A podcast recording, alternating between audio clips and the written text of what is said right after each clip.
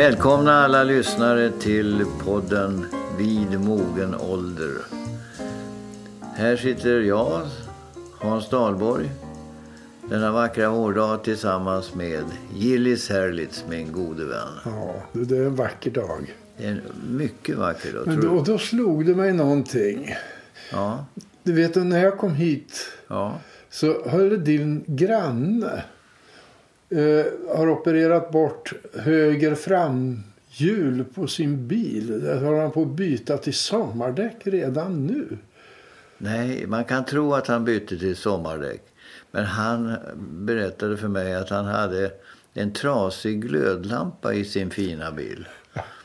Förr så gjorde man det på en kafferast, bytte Ja, glödlampa. ja. Men han måste alltså montera bort framhjulet för att kunna få, komma åt lyktan och byta glödlampa. Det det, det kan ju inte betraktas som teknikens framsteg. nej, Precis. men det är, oh, nej, men det är merkantilismens framsteg. Det vill säga man måste lämna in bilen till en märkesverkstad för minsta lilla sak. Ja. Jag kommer Alltså, ihåg när, när jag var barn, kommer du ihåg man hade såna här bilrutor eh, som man vevade på en vev? Så, ja, jajamensan. Och Ja. ja. körriktningen visades med en liten pil som Ja, fälldes ut. Men om det var något eh, tjafs med det där då kunde man ta bort sidstycket och fixa och smörja in lite Ja. vajrar och grejer så ordnade sig. Nu är det fullkomligt omöjligt. Idag för att laga en bil måste du nästan ha vit rock och stetoskop. Ja, varför inte? Ja, ja, ja jo, Men så å andra sidan behöver du inte köra den utan du sätter dig ju i baksätet på den. Ja, det har vi ju pratat om. Nej, men jag tycker att det är lite besvärande det där att det är så kompakt byggt och, och så, så man, man kommer inte åt grejerna. Och, och jag tror inte man kan uh, racka ner på något enskilt bilmärke utan Det jag tror tror jag att inte. så, så här är det genomgående. Jag har ju en bil som är väsentligt mycket enklare än den bil din granne visade upp här. Och eh, det är samma sak där. Så fort jag ska byta lampa måste jag ringa till en god vän som kan hantera det där och kommer åt med fingrar och nyper. Och, ja, det Dina pianofingrar kommer inte åt. och dessutom så sa han, nu vet jag inte om det ligger någon sanning i det, men han sa att de här lamporna för hela halvljus och positionsljus och sådär är så konstruerade så de håller bara en viss tid och så går de sönder ungefär samtidigt. Så man måste byta. Men så tror jag har varit med glödlampor genom Ja, tiderna. jo, nej, men att man medvetet skapar dem för de håller mycket kortare tid än vad lampor gjorde förr. Ja, men det är likadant med rakblad och mängd såna Ja. förslitningsartiklar. Ja, jo. att de har inbyggd, eh, inbyggd död, så att säga. Ja, och det är intressant för han, han tyckte det där var så onödigt min gode vän. Så han skaffade fram, för han sa det beror på att det, är för mycket spänning för de här lamporna eller någonting sånt där. Så han skaffade fram ett par små spiraler som han hade tillverkat och satte emellan så det skulle reducera spänningen. Så nu hoppas jag att de håller längre. Men det är märkligt. Det är märkligt med nya bilar. Men du hade inte, fanns inte en film med Alec Guinness, mannen i den vita kostymen någonting. Han, han, han eh, jobbade för den, i den engelska textilindustrin man hade kommit fram till ett material som aldrig gick sönder. Ja, bra. Och, och det där höll ju på att knäcka hela textilindustrin Ja. i mellan England. Men eh, så, jag tror att i slutet av filmen så faller allt ihop och han står där i sina underkläder. För Ja. De höll inte längre. ja, ja, ja. Det där är en del av tiden. Men du, eh, vi har passerat något intressant här just nu. Fick du här om veckan, förra veckan, fick du eh, några geléhjärtan och små rosor, en puss på kinden? eller? Jag, eh, jag uppmärksammade min hustru och konstaterade att det var alla hjärtans dag. Jaha, så Och där. varför är det så? Ja, säg det du. Det är ju alltså... Det är Valentindag. Valentinsdag, ja. Den har firats länge i USA och så. Men eh, det sägs att det går tillbaka på något helgon som eh, avrättades på 800-talet. Och han sägs har hjälpt ett ungt älskande par att uh, förenas. Och uh, därför, men, men det finns ju ingen uh, säker sanning i det. Det är bara att man håller på på det där sättet för att hitta en orsak att sälja. I väldigt hög grad. Det är ju en ganska kommersiell. Hur, länge, hur länge har man hållit på med alla hjärtans dag? I Sverige menar du? Ja, eller... Ja, interna- I USA tror jag man har gjort det ganska många, många årtionden. Men i Sverige är det ju relativt nytt. Det är det ju eh, naturligtvis. Nu tror jag att Nu, Maj- Majken... Har fått spel. Ehm, eh, Sverige är relativt nytt och det har varit utsatt för diskussioner i skolor och sådär. Ska man uppmärksamma, ska man eh, få barnen att låta bli att uppmärksamma alla hjärtans dag? För det visar sig att en del tonåringar sådär sitter och jämför hur många kort och hälsningar de har fått och så sitter det någon som inte har fått någonting. Ja, det är... Ja, alltså det, Men det, det går. finns så mycket konstiga avarter som man förundrar sig över. Ja. Hur många hjärtan fick du Ja, hjärtans ja, dag? ja. Hur populär är du alltså? Mm. Men jag, jag tycker annars att det är en ganska oförarglig Ja, ja. ja. tradition. Om, man, om det kan sparka någon i ändan så de går och uppvaktar sin fru eller, eller make eller partner så är väl det bra. Med en blomma. Ja, med en blomma en kram, det är väl bra. Det är väl ingenting att hålla på och bli upprörd över. Om man inte är föräldrar till barn som inte får någonting. Ja, men det är klart att sitter du, kommer du hem sen med din blomma och din hustru sitter med 18 rosor. Så, så här många fick jag och många fick du. Ja, just det. Då är man ju naturligtvis lite illa ut. Ja, verkligen. Ja, va- Och geléhjärtan-industrin den kommer ju från geléhallon? Ja, ja visst. Som gjorde om det till hjärtan. Ja, Ja. visst. Du har gjort något kul. Ja, i förrgår var jag på Lilla Akademins stora konsert på Musikaliska på Nybrokajen. Jaha. Ja, salongen var full av föräldrar och farföräldrar och morföräldrar. Och på scenen fanns det hundratals barn och ungdomar som spelade musik. Jag var en udda fågel. Jag hade bara sett att det här evenemanget skulle äga rum. Gick dit på vinst och förlust och fick en udda biljett. Mm. Och det var en enastående upplevelse med dessa otroligt musikaliska barn och ungdomar. De är ju från åtta år och upp till 18 kanske, ja gymnasiet. Och det var, det var hög klass på, på underhållningen. Det var körer, det var blåsorkestrar men och framförallt en mycket stor filharmonisk orkester. Med violiner. Det, men det här var solister alltså som skulle uppträda? Ja, ja, en del solister men framförallt var det orkestrarna. Och var de så unga också? Ja, ja, ja. Det var, det var stråk, eh, stor, stor stråksektion. Det var blås, det var, ja, det var eh, träblås och, och mässingblås. Det var, Och virvelkagge? du kan vara säker på att det var en virvelkagge utav Guds nåde. Ja, han var oerhört duktig. Och då satt jag där och så satt jag och tittade i, i programmet. Och, och då skulle, efter paus så spelar man då Haydns symfoni 101, Uret. Den heter Uret därför att eh, i andra satsen är det en viss rytmik som Jaha. påminner om en klocka. Och så satt jag där och funderade. 101 Ja, symfonier. Haydn tillhörde ju vinklassicisterna tillsammans med framförallt då Beethoven och Mozart. Han var väl, kom väl först ut så att säga. Men han skrev alltså, hun, då gick jag och kollade, 106 symfonier. Ja, men det är osant. Och, och, Hur hinner man eh, med det? Nästan lika många stråkkvartetter och divertimenton. Alltså en produktion som det måste innebära att han, ja, han satt och skrev praktiskt taget hela tiden när han inte spelade.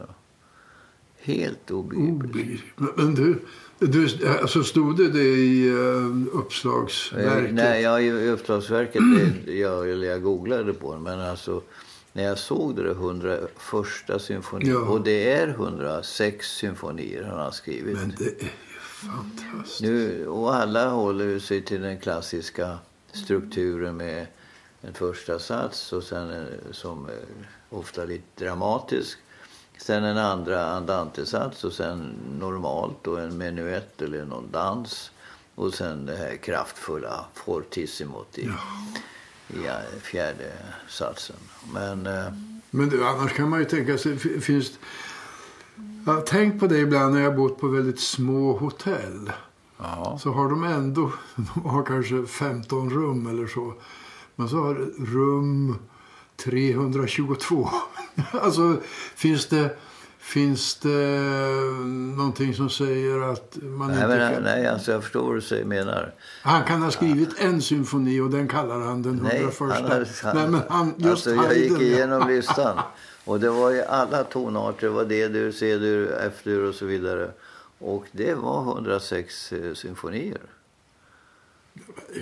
Det, och eh, då får man en annan fundering. Upprepar man sig? Ja. Jag kommer ihåg när jag skulle skriva en bok så, så skrev reda, sa redaktören, men snälla Hans, det här har du skrivit redan på sidan 57. Ja, du, det, här, det här måste du stryka. Och då måste man ju fundera. Hade Haydn koll på om han plagierade sig själv?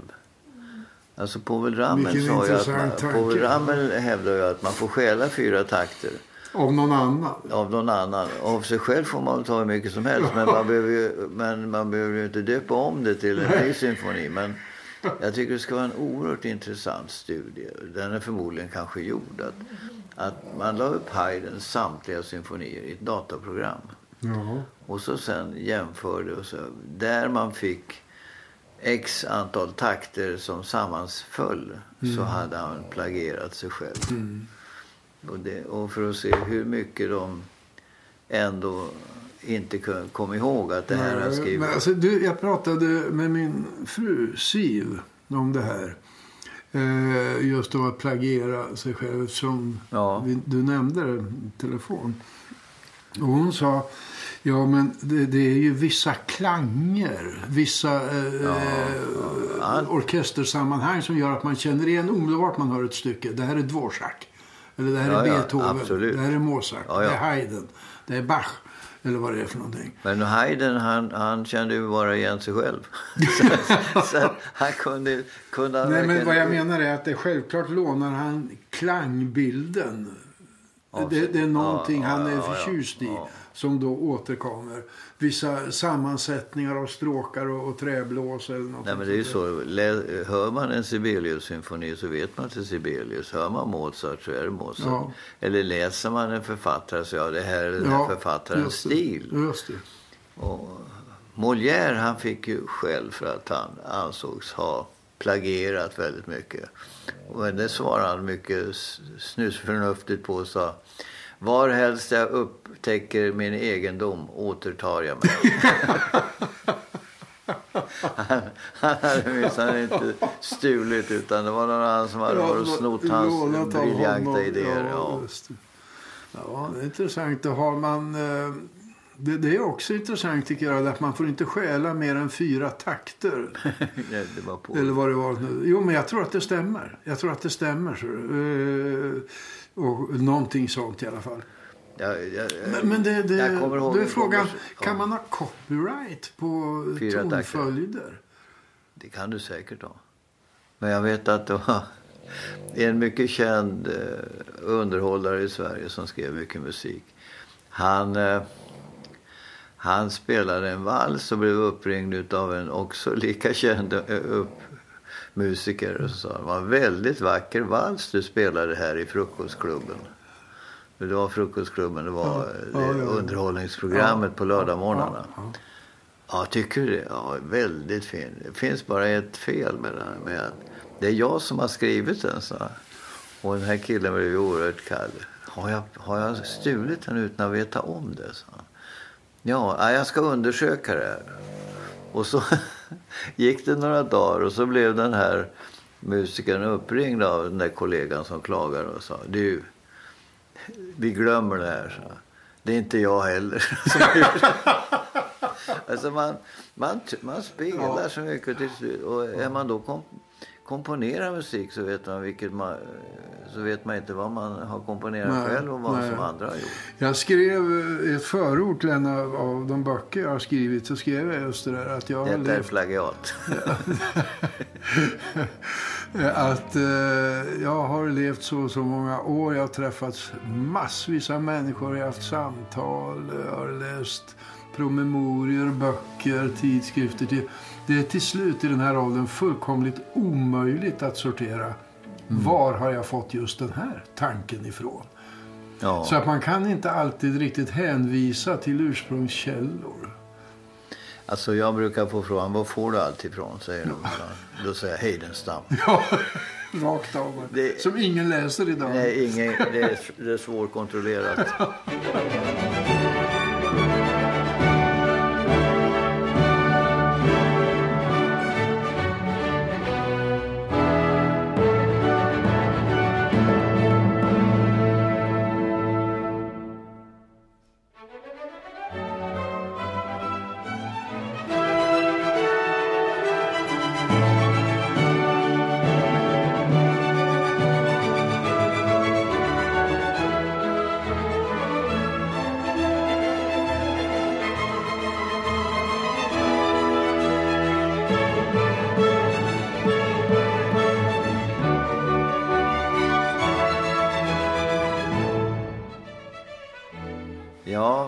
men detta om, eh, om att eh, göra musikanalys utav st- stora kompositörers eh, verk. Intressant tanke det där och vad, vad, också vad som är tillåtet. Hur mycket man får låna.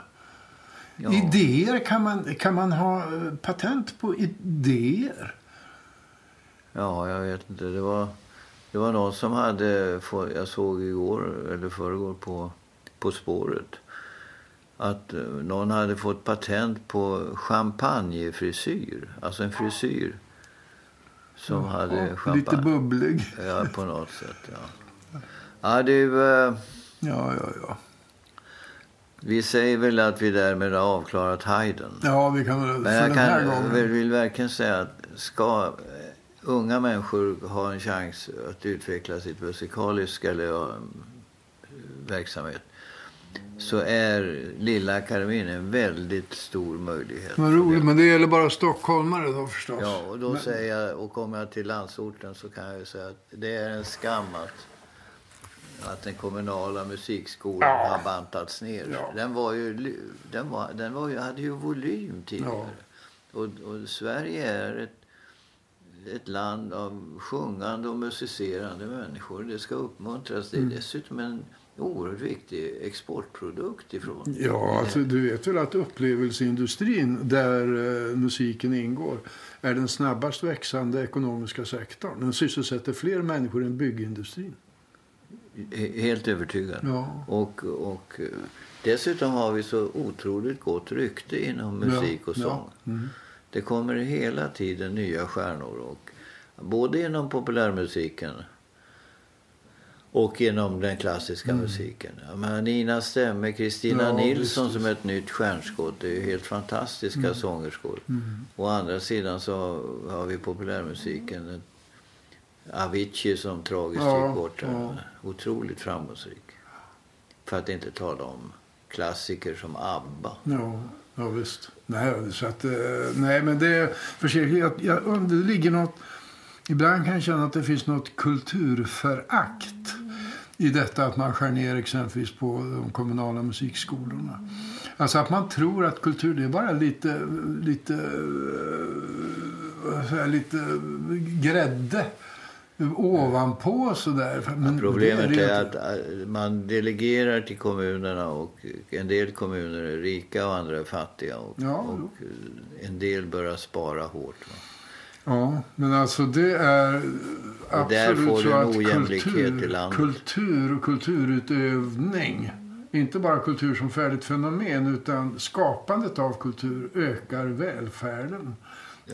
I, i eh, Alltså- välbefinnandet helt enkelt. Det, det är ju att berika människor på ett sätt som annars inte skulle uppnås. Ja, visst. Och det, det, kulturen är Ja, det är en del av eh, livskvaliteten. Absolut. Och det, det, det skapar resonanser i, eh, i varje människa att höra ett musikstycke eller se en konst, ett konstverk eller någonting sånt där.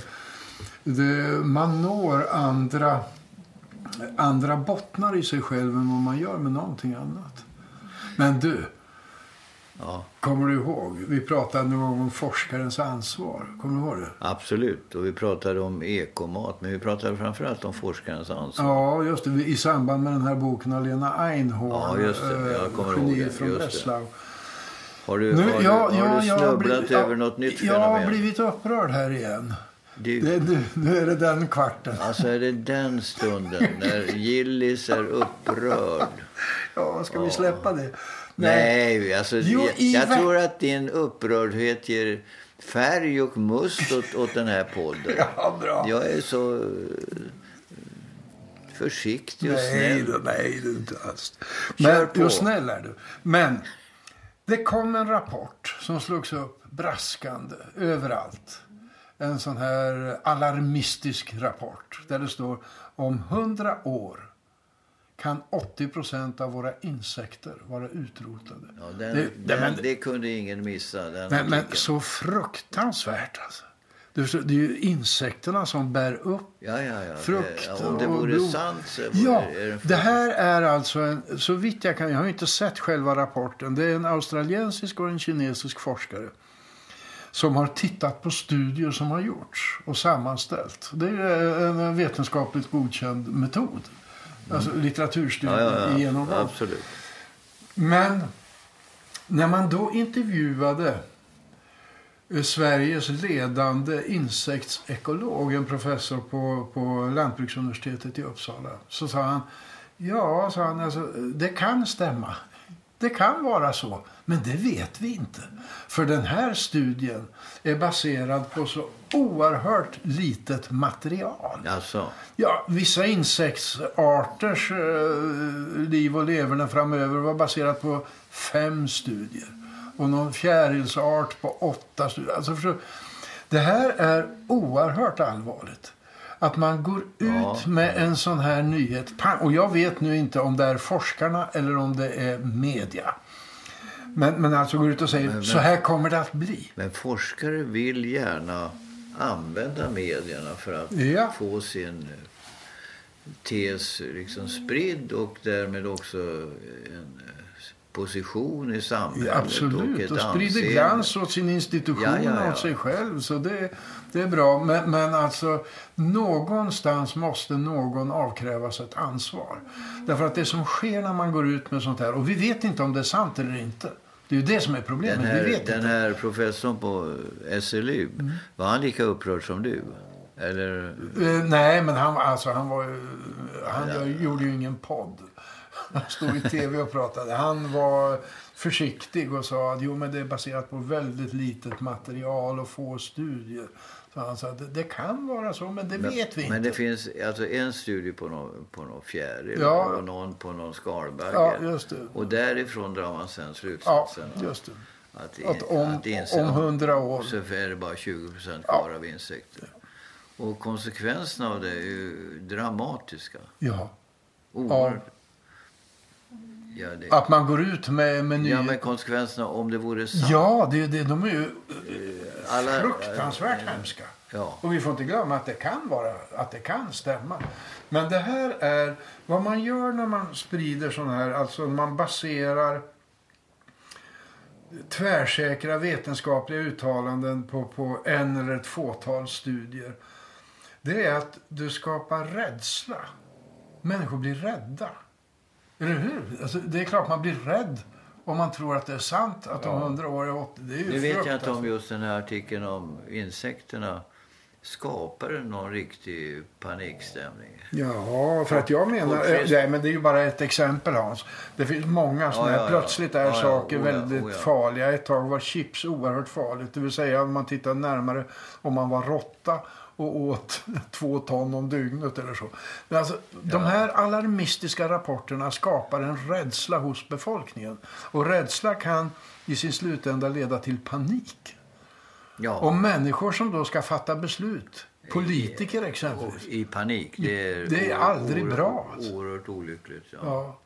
Så eh, jag är jätteless på det här med, med, med de här eh, skrämskotten som kommer Men har inte, jag tror man har ändå på schemat i skolorna att man ska försöka ägna sig åt källkritik.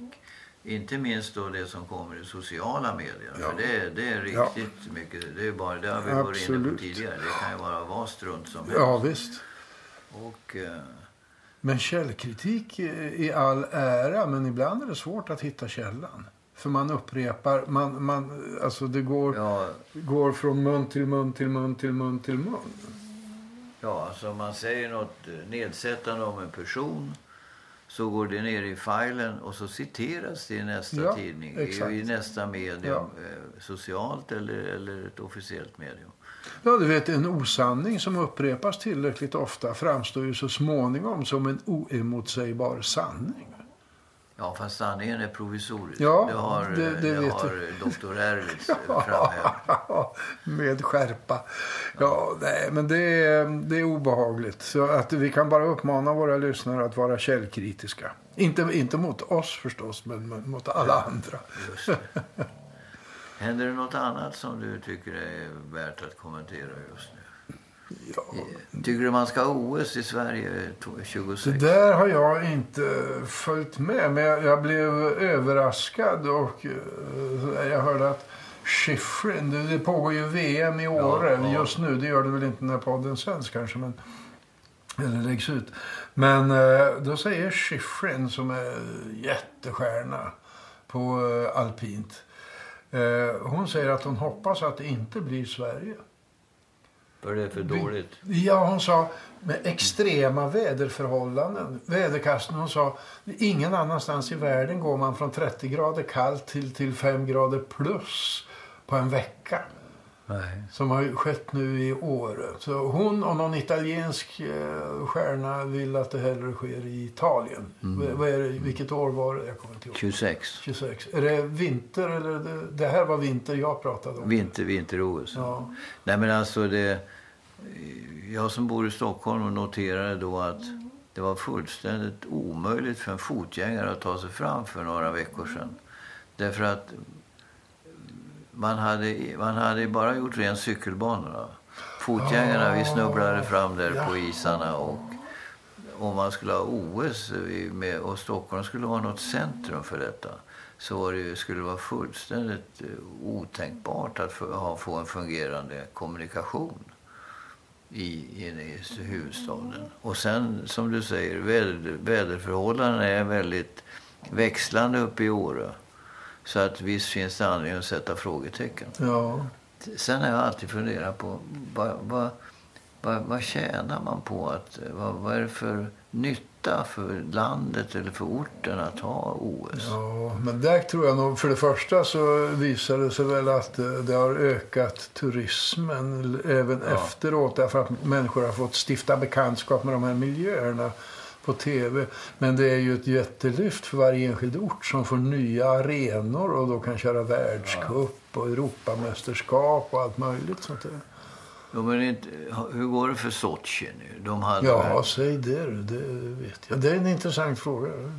Kanske någon som vet. I Egentligen, sådana fall... e- egentligen skulle man göra en efteranalys av de senaste 20 olymp- vinterolympiaderna. Vad hände med orten i fråga Ja. och med landet i fråga? Ja. Vad gäller, i, vilken nytta vi, hade man utav att arrangera? Ja, men i Sochi var väl lite speciellt därför att man tvingade ju bort massa eh, Ja.